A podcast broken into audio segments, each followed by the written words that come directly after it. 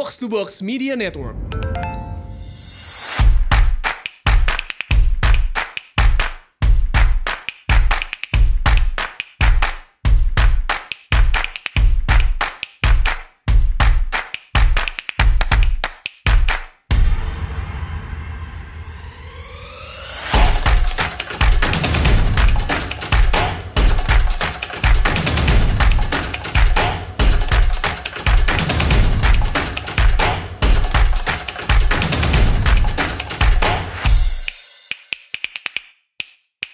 Jadi hari ini di Asumsi Bersuara uh, gue udah kedatangan Mbak uh, Jenny Silviasari, Halo. pengacara di Lembaga Bantuan Hukum Jakarta ya. Iya betul. Pengacara LBH Jakarta yang banyak menangani kasus-kasus korban-korban pinjaman online yang belakangan mungkin setahun dua tahun belakangan ini marak banget ya. Banget sih. Dah. Saya, saya harus bilang marak banget. Marak banget.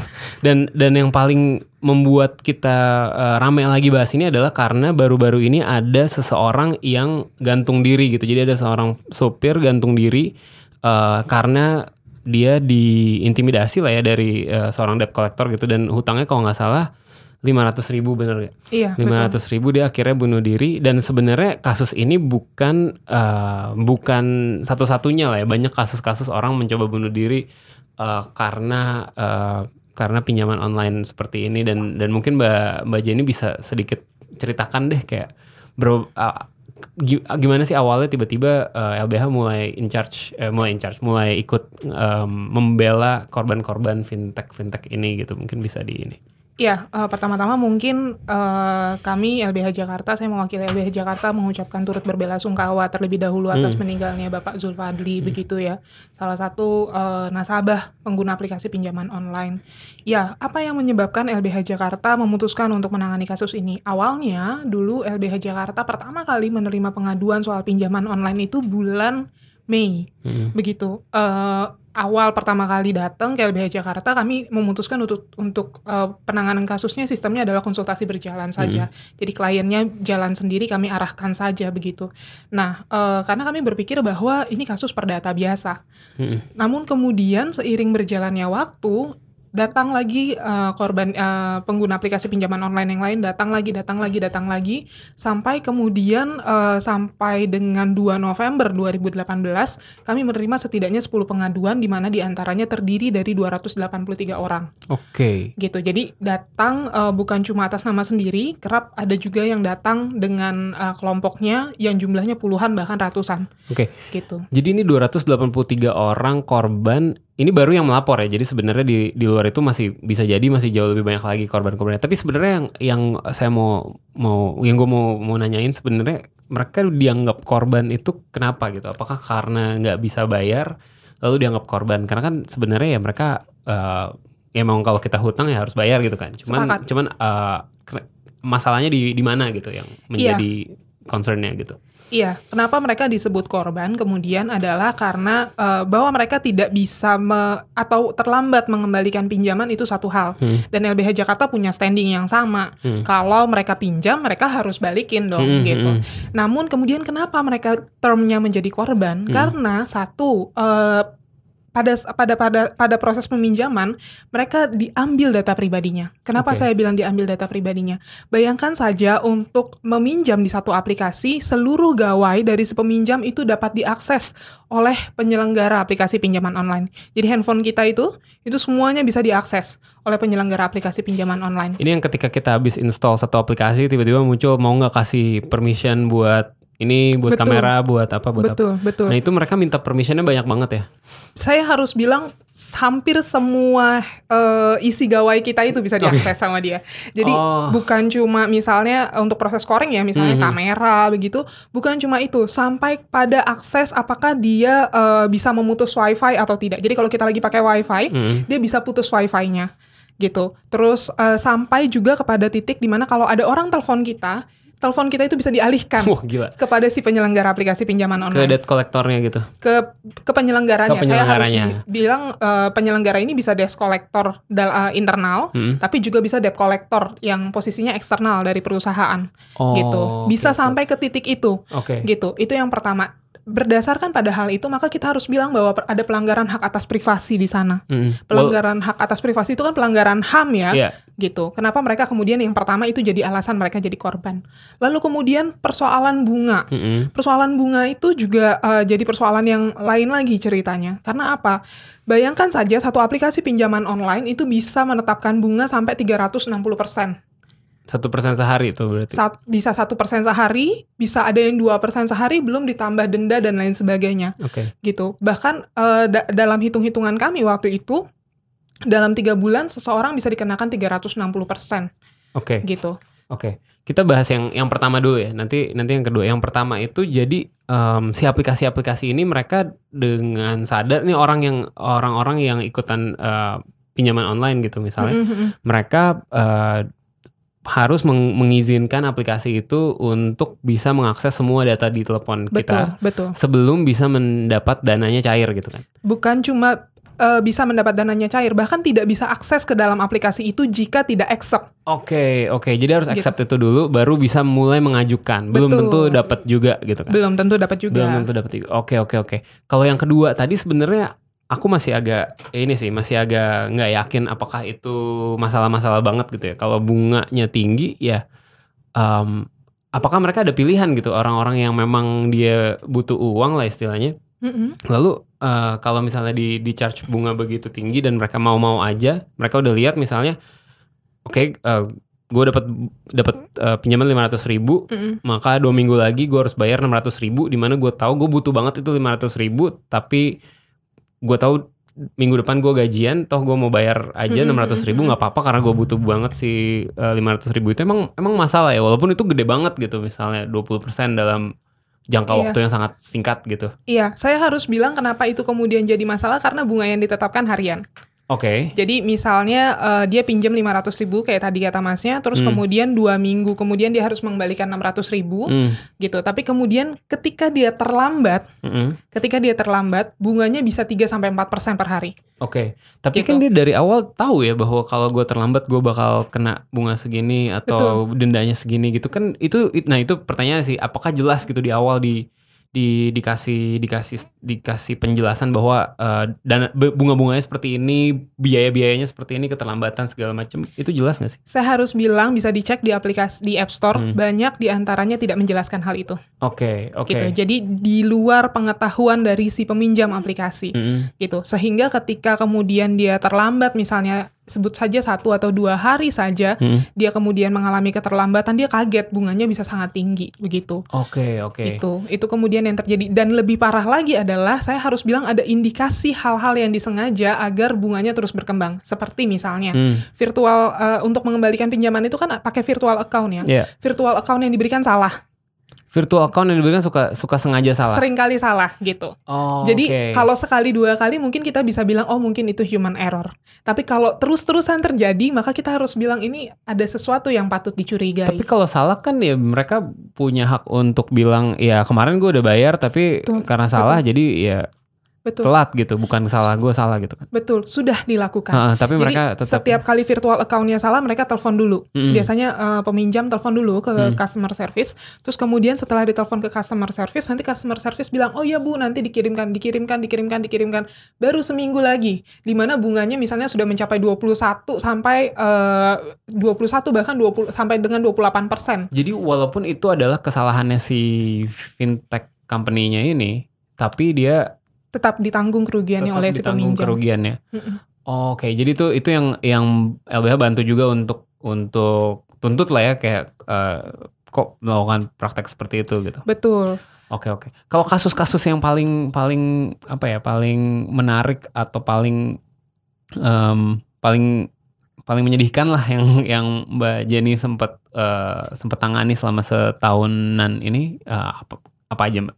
Iya, eh ini sama juga dengan tadi nyambung dengan pertanyaan Hmm. kedua tadi bahwa eh, kenapa mereka disebut korban. Hmm. Lainnya adalah persoalan lainnya adalah proses penagihan. Hmm, oke. Jadi kenapa eh, ada beberapa kasus yang saya harus bilang proses penagihannya gila sekali. Hmm, kayak Kenapa? tadi yang kita ini ya, yang tadi kita dengar. Betul, itu salah satu klien kami juga Hmm. beliau begitu. Proses penagihan yang eh, tidak jarang bahkan kerap kali ada pelecehan seksual di dalamnya. Oke. Itu satu dari antara sekian banyak pelecehan seksual yang kami temukan. Ada yang sampai dikirimin f- sorry video eh, alat kelamin si Penagih. penagihnya Wah, ya Allah. begitu itu itu juga dilakukan terus kemudian juga ada pelecehan seksual dalam bentuk texting Oke. kalau kita belajar tentang pelecehan seksual Ya. tentang kekerasan seksual kita akan lihat bahwa texting merupakan uh, bentuk dari pelecehan seksual Ya. itu juga dilakukan By the way itu topik kita minggu lalu. Jadi eh, kalau belum dengerin dengerin dulu ya podcast kita minggu lalu. Lanjut lagi mbak.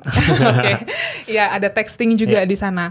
Eh, itu satu. Lalu kemudian yang juga cukup cukup cukup menyentuh eh, saya dan eh, membuat kami berpikir bahwa kami harus berjuang semaksimal mungkin untuk kasus ini adalah ada salah satu klien kami yang berusaha bunuh diri, Oke. gitu. Di luar dari si bapak tadi. Di luar dari Bapak Zulfadli, Oke. Eh, almarhum Bapak Zulfadli bukan bukan pengadu ke LBH Jakarta, Oke. gitu. Eh, beliau mungkin saya nggak tahu keterbatasan informasi atau apa ya tapi dulu pernah ada klien kami juga yang juga pernah berusaha melakukan uh, upaya bunuh diri Hmm. dengan cara meminum uh, minyak tanah Oke. begitu Uh, kita sebut saja Ibu L ya. Hmm. Ibu L ini uh, kemudian karena proses penagihan yang gila sekali, saya Hmm. harus bilang bahwa dalam sehari dia bisa ditelepon 30 kali Hmm. oleh orang yang berbeda-beda. Hmm. Terus kemudian juga disebarkan data pribadinya ke seluruh kontak yang dia punya. Iya. Itu Begitu. karena tadi udah dapat permission itu kan aplikasi udah dapat permission untuk dapat contact list. Betul. Akhirnya dia bisa menggunakan contact list itu buat mengintimidasi Betul. si uh, peminjam tadi ya. Bahkan menyebarkan data pribadinya. KTP itu data pribadi loh. Betul. ha. gitu. Itu merupakan eh, pelanggaran hukum penyebaran KTP orang ke orang lain Ha. begitu. Nah, kemudian juga eh, itu dilakukan. Dia stres, tertekan sekali sampai akhirnya dia memutuskan untuk ya sudah padahal jumlah eh, saya harus bilang bahwa jumlah pinjamannya di bawah satu juta rupiah. Oke. Gitu, sangat kecil Iya. gitu. Tapi kemudian eh, dia mengalami tekanan sedemikian rupa sehingga dia memutuskan untuk meminum minyak tanah gitu. Bersyukur suaminya dan tetangganya waktu itu lihat gitu. Ketika suaminya dan tetangganya lihat berhasil digagalkan, eh, walaupun sudah tertelan minyak tanahnya, beliau dibawa ke rumah sakit. Ada eh, bukti pemeriksaan rumah sakitnya, beliau harus cuci perut Oke. waktu itu. Tapi uh, untungnya akhirnya selamat ya si Untungnya akhirnya selamat. Makanya saya bilang bahwa eh, kondisinya semakin parah. Kenapa? Karena kalau kemarin kemarin ada yang berusaha bunuh diri, eh, lalu kemudian berhasil digagalkan. Yang ini kasus almarhum tidak berhasil gitu. Dan saya harus bilang bahwa yang pengadu yang datang ke LBH Jakarta, telepon saya atau WhatsApp saya misalnya atau datang mengadu begitu eh, melalui pos kemarin Hmm. yang menyampaikan bahwa Mbak saya mau mati aja, saya mau bunuh diri saja. Itu banyak Ya sekali Allah, ya gitu. Allah. Oke oke oke. Terus selain itu ada ada ada lagi nggak yang yang kalau yang berhasil berhasil ada nggak sih yang kita yang setelah setelah mengadu ke LBH lalu um, akhirnya sukses mendapat ganti rugi atau sukses um, si fintech company-nya bisa dibubarkan atau apa gitu? Ya, ada beberapa kasus yang berhasil. Hmm. Satu, eh, ada kasus Ibu D. Ibu D ini, eh, saya sebut inisial saja ya. Iya ya nggak apa-apa. Ibu D ini kemudian dia kehilangan pekerjaannya karena proses penagihan yang gila itu. Kehilangan pekerjaan, jadi Kehilangan di- dipecat dari kantornya. Betul. Kenapa begitu. tuh? Karena eh, penagihan dilakukan kepada bosnya, Ya Allah. kepada direktur utama, gitu. Karena beliau juga, eh, saya nggak tahu, beliau menyimpan kontak direktur utama di Iya, handphone, iya. lalu kemudian si direktur utamanya ini ditelepon oleh si desk collector, terus kemudian des, eh, desk collectornya bilang bahwa direktur utamanya dijadikan penjamin dari hutangnya, gitu. Padahal dia nggak pernah melakukan itu. Tidak pernah melakukan hal tersebut. Dia sudah berusaha menjelaskan ke HRD, dia sudah berusaha menjelaskan ke direktur utamanya, tapi kemudian uh, mereka tidak mau dengar dan beliau harus kehilangan pekerjaannya. Oke, aku gue gue mau nanya sih sebenarnya eh, sebenarnya semua praktek peminjaman baik itu bank maupun KTA atau fintech fintech online ini kan semua ada debt collectornya kan. Kalau Mm-mm, kalau mm-mm. even kalau di bank misalnya kita kartu kredit itu kan ada SOP-nya jelas bahkan lu nggak ba- eh, telat bayar berapa hari ada SMS berapa, Mm-mm, berapa lama lagi ada ada yang nelpon berapa lama lagi mungkin ada yang datang ke rumah lu gitu. Apa sih yang membedakan kenapa sih fintech fintech ini kalau sisi sisi penagihan ya kenapa kok kita mendengar eh, banyak eh, ba- banyak kasus-kasus penagihannya dengan cara-cara yang aneh-aneh gitu tapi yang yang em, bank yang KTA nggak segitu yang sekarang ya. Dulu juga pernah ada yang meninggal gitu kalau nggak salah waktu itu salah satu bank kartu kreditnya ada Hmm. yang eh, debt collectornya bikin orang meninggal lah, entah entah dia jantungan atau apa tapi sekarang udah nggak nggak udah nggak ada lagi udah udah nggak pernah dengar lagi lah ya. Kalau si fintech fintech ini banyak banget kasus-kasus kayak gini emang apa sih yang membedakan bukannya sama-sama aja ya mereka ya debt collector debt collector aja atau atau gimana atau berbeda atau gimana sih? Saya harus bilang bahwa uh, bedanya dengan yang dulu kalau dulu kan ibaratnya kalau bank misalnya ya, Hmm. dia hanya mendapatkan akses dari apa yang kita berikan. Contoh misalnya KTP, Hmm. alamat rumah. Hmm. Kalau ini kan handphone kita tuh kan segalanya. Hmm, Saya harus bilang bahwa semua hal yang ada pada Hmm. diri kita tuh biasanya ada pada gawai Iya. gitu. Nah, karena mereka bisa akses semua hal pada gawai kita, itu yang membuat kemudian proses penagihannya gila-gilaan Hmm. gitu. Karena dia bisa ngancam ini itu. Betul, bisa nyebarin data pribadi ke kontak-kontak kita, mempermalukan, memfitnah, bahkan menghina dan lain sebagainya itu bisa dilakukan. Karena apa? Eh, dan hal itu tidak dap- tidak mungkin dilakukan oleh debt collector debt collector konvensional macam perbankan misalnya. Hmm. Itu nggak mungkin dilakukan karena akses terhadap terhadap Data, teman-teman itu nggak ada. betul. Oke oke gitu. oke oke. Nah sebenarnya praktek-praktek itu kan semua udah ada udah melanggar hukum kan jelas maksudnya udah kita kan jelas nggak boleh melakukan yang tadi tadi mbak mbak Jenny udah bilang eh, melakukan eh, harassment verbal baik itu lewat telepon atau lewat teks atau lewat apa pun itu kan praktek itu sudah melanggar hukum mau ada fintech mau enggak gitu Betul, kan. betul, betul. Nah itu nggak bisa di di nggak bisa diproses eh, mbak seperti itu. sudah Oke bisa sudah jadi. diproses. Jadi gini, bukan itu bukan yang, sudah. yang bisa kena debt collectornya aja atau fintechnya atau owner fintechnya juga bisa kena. Kalau secara hukum bahkan eh, penyelenggaranya dalam arti perusahaannya itu bisa dikenakan. Kenapa begitu? Jadi gini, eh, teman-teman yang mengalami tindak pidana dalam proses penagihan terutama misalnya saja kami menginventarisir ada setidaknya ada lima jenis tindak pidana kemarin. Hmm. Itu ada penghinaan, ada fitnah, ada eh, sexual harassment, ada pengancaman, eh, sama satu lagi saya Hmm. saya lupa. Tapi ada lima eh, setidaknya dan itu sudah per- sudah sudah ada yang berupaya melaporkan ke kepolisian. Hmm. Ada yang kemudian dibuatkan LP oleh polisi, Hmm. tapi juga kita harus bilang bahwa perspektif kepolisian kita sangat buruk. Kenapa? Karena kemudian banyak eh, pelaporan pelaporan yang ditolak dengan alasan bahwa ya wajar lah lo digituin orang eh, lo ngutang belum bayar. Jadi polisi masih sangat permisif untuk uh, Betul. praktek-praktek seperti ini. Betul. Dan saya harus bilang urusan polisi apa sama utang piutang? Polisi kan punya urusan sama tindak pidananya. Iya iya iya. gitu. Polisi nggak punya urusan sama utang piutangnya. Kalau ada tindak pidana itu yang harus polisi tangani begitu. Dan perlu diketahui berdasarkan perkap, polisi tidak boleh menolak eh, pelaporan. Harus diproses dulu untuk melihat apakah benar ada tindak pidana di dalam. Nah, masalahnya pada banyak pelaporan kemudian ditolak dulu di awal Oke, gitu. oke, Saya harus oke. bilang banyak per- perspektif kepoli, eh, eh, eh, oknum kepolisian yang masih buruk dan itu melanggar melanggar hukum karena melanggar perkap. Itu yang pertama. Yang kedua, pelaporan pun diterima. Saya harus bilang Mas banyak sekali pelaporan yang eh, undo delay atau bisa dibilang mangkrak di kepolisian. Mm-mm. Nggak ada tindak lanjut. Hmm. Terus kemudian klien kami berusaha mengirimkan permohonan SP2HP.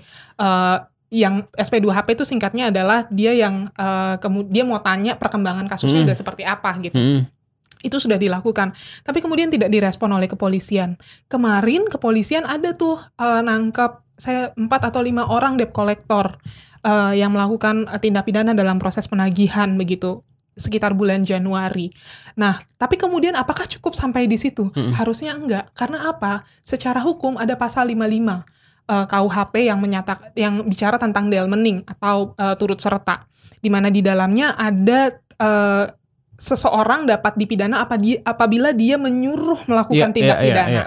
Gitu. Jadi menyuruh melakukan eh, itu bisa di eh, bisa bisa dijatuhi tindak pidana.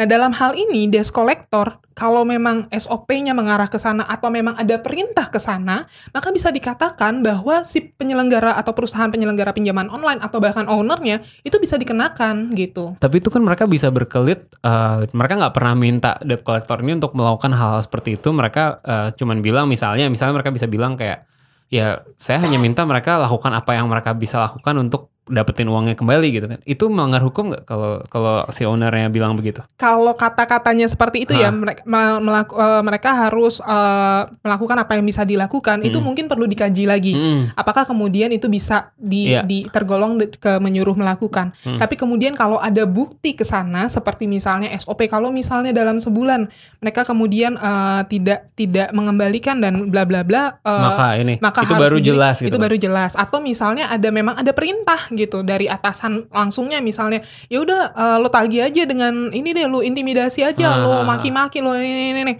itu itu bisa jadi uh, kemudian menyuruh melakukan gitu. Oke oke oke. Nah uh, mungkin kita uh, abis ini kita bisa bisa coba bahas adalah sekarang itu kan uh, fintech fintech ini nggak semuanya terdaftar di OJK ya. Betul. Jadi jadi kalau yang uh, gue baca yang terdaftar di OJK, OJK itu baru 99 sementara ada ratusan fintech fintech lain yang menjamur gitu yang aplikasi-aplikasi lu tinggal di Play Store lu cari pinjaman gitu udah ada ratusan gitu. Nah ngaruh gak sih sebenarnya diatur OJK nggak diatur OJK apa sih sebenarnya bedanya gitu kalau kalau yang gue baca kayak kayak nggak terlalu beda-beda amat gitu. Iya, kalau uh, yang terdaftar di OJK itu memang diawasi langsung oleh OJK. Mm-mm. Begitu. Uh, jadi bisa dibilang OJK langsung eh, bisa melakukan tindakan lah terhadap aplikasi itu gitu dan itu didasarkan pada POJK nomor 77 tahun 2016. Tapi apakah perbe ada perbedaan yang sangat signifikan? Saya harus bilang bahwa dalam beberapa kasus perbedaannya eh, tidak signifikan. Kenapa? Hal ini dibuktikan dengan ke- November kemarin LBH Jakarta buka pos pengaduan Mm-mm. di mana di dalamnya ada 1330 pengadu akhirnya yang mengadu ke LBH 1.300 Jakarta. pengaduan. Oke. Betul, dari 25 provinsi di Indonesia Mm. gitu. Dan kemudian eh, dari 1330 pengaduan itu kami menginventarisir ada 89 aplikasi yang diadukan. Mm-mm. 25 di antaranya merupakan aplikasi terdaftar di OJK. Oke. Gitu. Bulan November kemarin yang terdaftar itu baru 78, nanti bisa dicek. Berarti sepertiga dari yang terdaftar Betul. Itu eh, juga Diadukan, diadukan, ke LBH ke LBH. Jakarta. Oke Gitu. oke oke oke. Sementara yang nggak diaduk, yang nggak terdaftar ada berapa? Kira-kira tau nggak? 200, 300? Kalau eh, per November kemarin yang saya cek itu 404. Tapi eh, minggu lalu saya coba cek karena kan udah ada beberapa aplikasi yang ditutup ya sama Hmm. sama OJK juga. Saya cek coba minggu lalu itu ada sekitar 150 sampai eh, 170 aplikasi. Berarti kurang lebih proporsinya sama ya, proporsi yang diadukan dari yang eh, dari yang legal dengan yang diadukan dari yang ilegal sama-sama aja. Jadi nggak nggak kelihatan terlalu banyak bedanya. Karena kalau gue lihat sih eh, yang membedakan legal atau ilegal misalnya yang legal dibatasin bunganya harus berapa. Terus ya ya kayak gitu-gitu aja sebenarnya. Tapi mereka tetap bisa dapat akses ke data pribadi kita juga. Mereka Betul, tetap bisa mm, apa melakukan em, penagihan dengan cara-cara yang kurang etis juga gitu kan. Betul. Eh ada jadi ada namanya asosiasi. Asosiasi sa- ini juga kami LBH Jakarta tidak menyepakati hal ini ya karena apa? OJK seolah melimpahkan eh, tanggung jawab kepada asosiasi. Oke. Di mana asosiasi ini adalah pihak swasta yang juga merupakan penyelenggara aplikasi Iya, pinjaman iya, online. Jadi kita bisa kira-kira Iya. kira-kira kalau mereka bikin aturan mereka akan mengarah ke mana nih aturannya Iya, gitu iya, kan. iya, heeh. Itu udah bisa kita tebak-tebak buah manggis lah kasar-kasarnya. Itu yang pertama. Hmm. Yang kedua, eh, aturan-aturan yang dibuat asosiasi itu pun nggak mengikat. Sekarang begini, misalnya masnya penyelenggara nih aplikasi pinjaman online tergabung dalam asosiasi, terus kemudian masnya melanggar Hmm. sama asosiasi, kemudian dikeluarin. terus so what gitu So what? gue tetap bisa beroperasi, gue tetap bisa menjalankan usaha ya udah gitu. Lu keluarin gue dari asosiasi juga nggak nggak ngaruh bumi nggak runtuh juga gitu kalau lu keluarin gue dari asosiasi gitu itu it- eh, menurut LBH Jakarta adalah hal yang aneh ketika kemudian sang regulator justru malah menyerahkannya kepada pada eh, pelaku swasta. pelaku industri betul Oke, terus juga juga salah satu hal yang di di apa? Salah satu hal yang diajukan oleh si asosiasi ini untuk mengatasi lah kata quote unquote masalah masalah-masalah yang terjadi adalah dengan mereka bilang bahwa kalau bank itu kan ada credit scoring, kita nggak ada credit scoring gitu kan.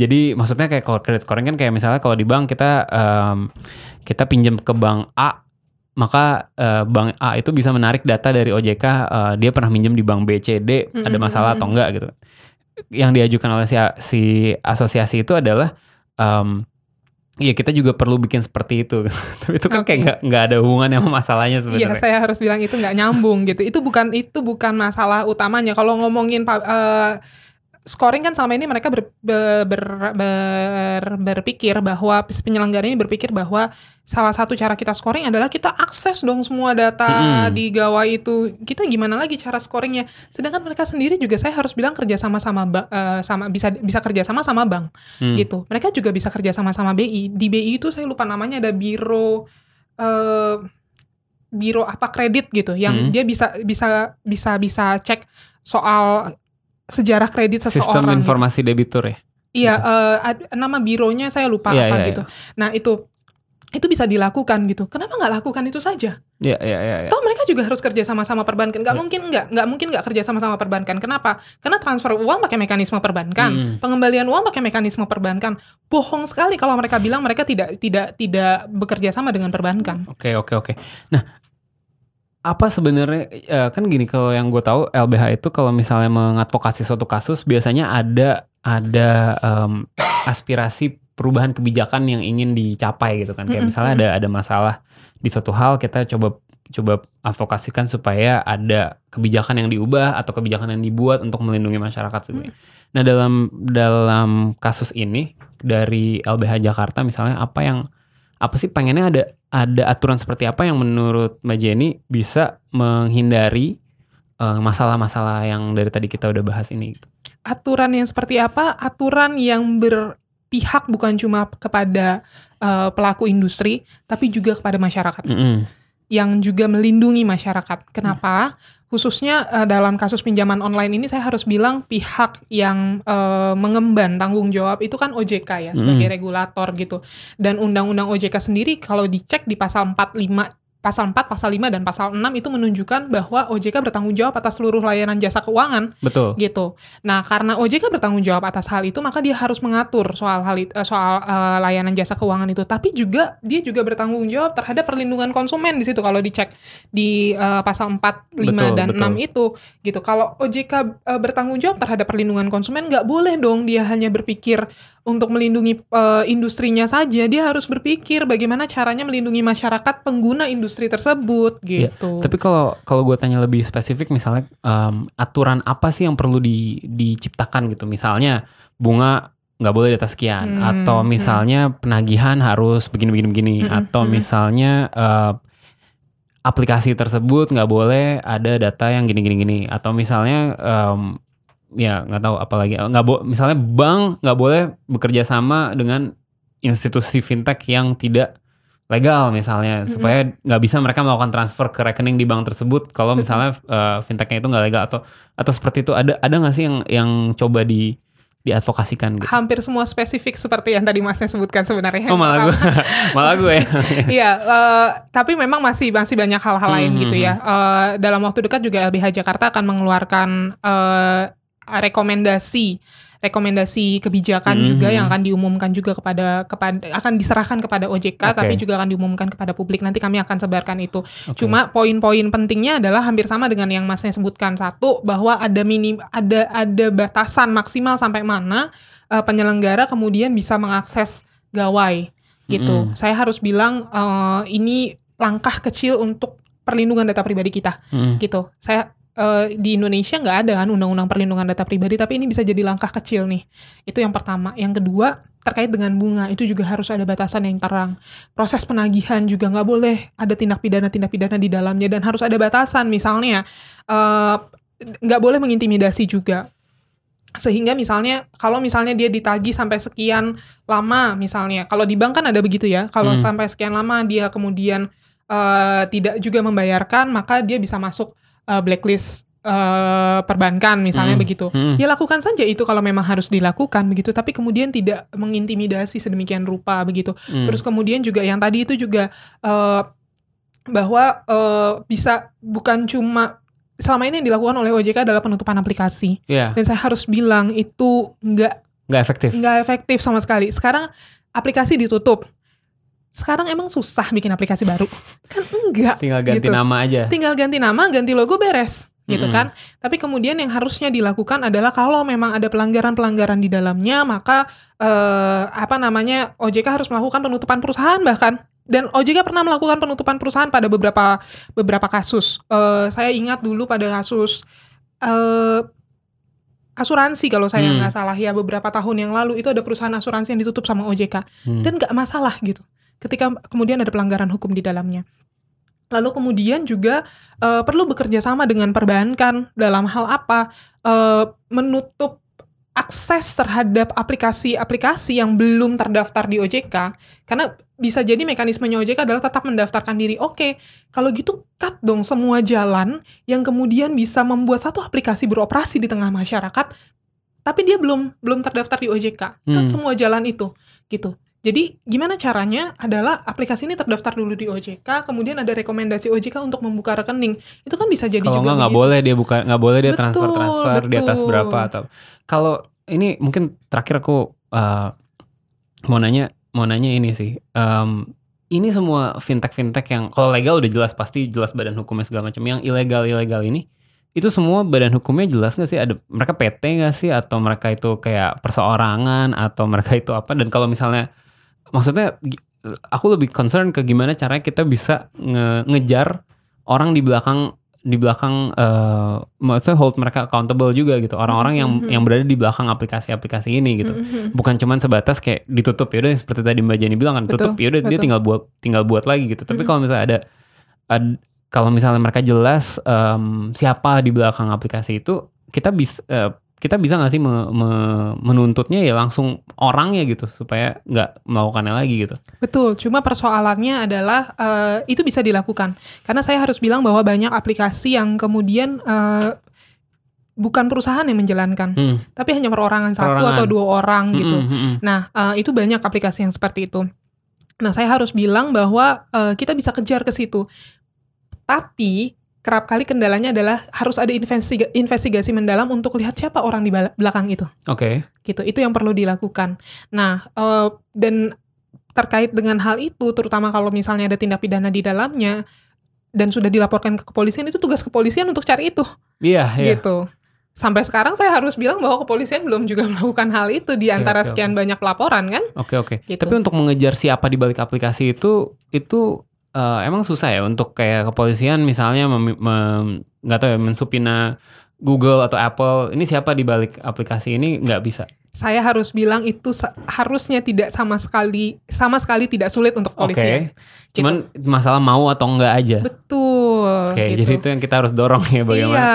Ya sebenarnya undang-undangnya sih ada gitu kan. Mereka mereka jelas salah kalau misalnya eh, tadi kita bilang kalau ada anak buahnya melakukan suatu kesalahan apalagi kalau ada indikasi itu Menyuruh melakukan. Iya ada perintah atau ada SOP semacam itu. Jadi sebenarnya itu udah melanggar hukum per hari ini juga itu udah melanggar hukum yang tanpa Betul, perlu ada betul. tambahan undang-undang apa pun yang baru. Betul. Tinggal masalahnya apakah ad- apakah ada ke ada ada niat dari penegak hukum untuk mem- Menyelesaikan menyelesaikan masalah masalah, ini. itu. Betul. Oke, wah gila banyak banget informasi yang kita eh, dapetin hari ini dari eh, Mbak Jenny dari LBH ini. Em, lagi-lagi hati-hati kalau misalnya BU jangan langsung cari pinjaman di Play Store gitu, cari di tempat yang eh, lebih jelas-jelas aja gitu. Dan kalau mau di Play Store minimal at least cari dari yang eh, terdaftar ya di di OJK ada 99 sekarang gitu. Makasih banyak nih eh, Mbak Jenny waktunya untuk udah ngobrol-ngobrol bareng kita. Mudah-mudahan nggak sebanyak ini lagi yang ter- menjadi korban-korban Amin, pinjaman-pinjaman online ini. kasih, Dan semoga pada teman-teman. menang kasusnya semua. Amin, amin. Terima kasih ya teman-teman. Oke, makasih. Seperti biasa, eh, follow Asumsiko Box to Box ID. eh, follow kita di Spotify, di SoundCloud, di mana-mana lagi lu dengerin podcast. eh, kasih review, rating, biar kita lebih banyak lagi yang dengerin. Sampai jumpa lagi hari Selasa depan di Asumsi Bersuara. Thank you.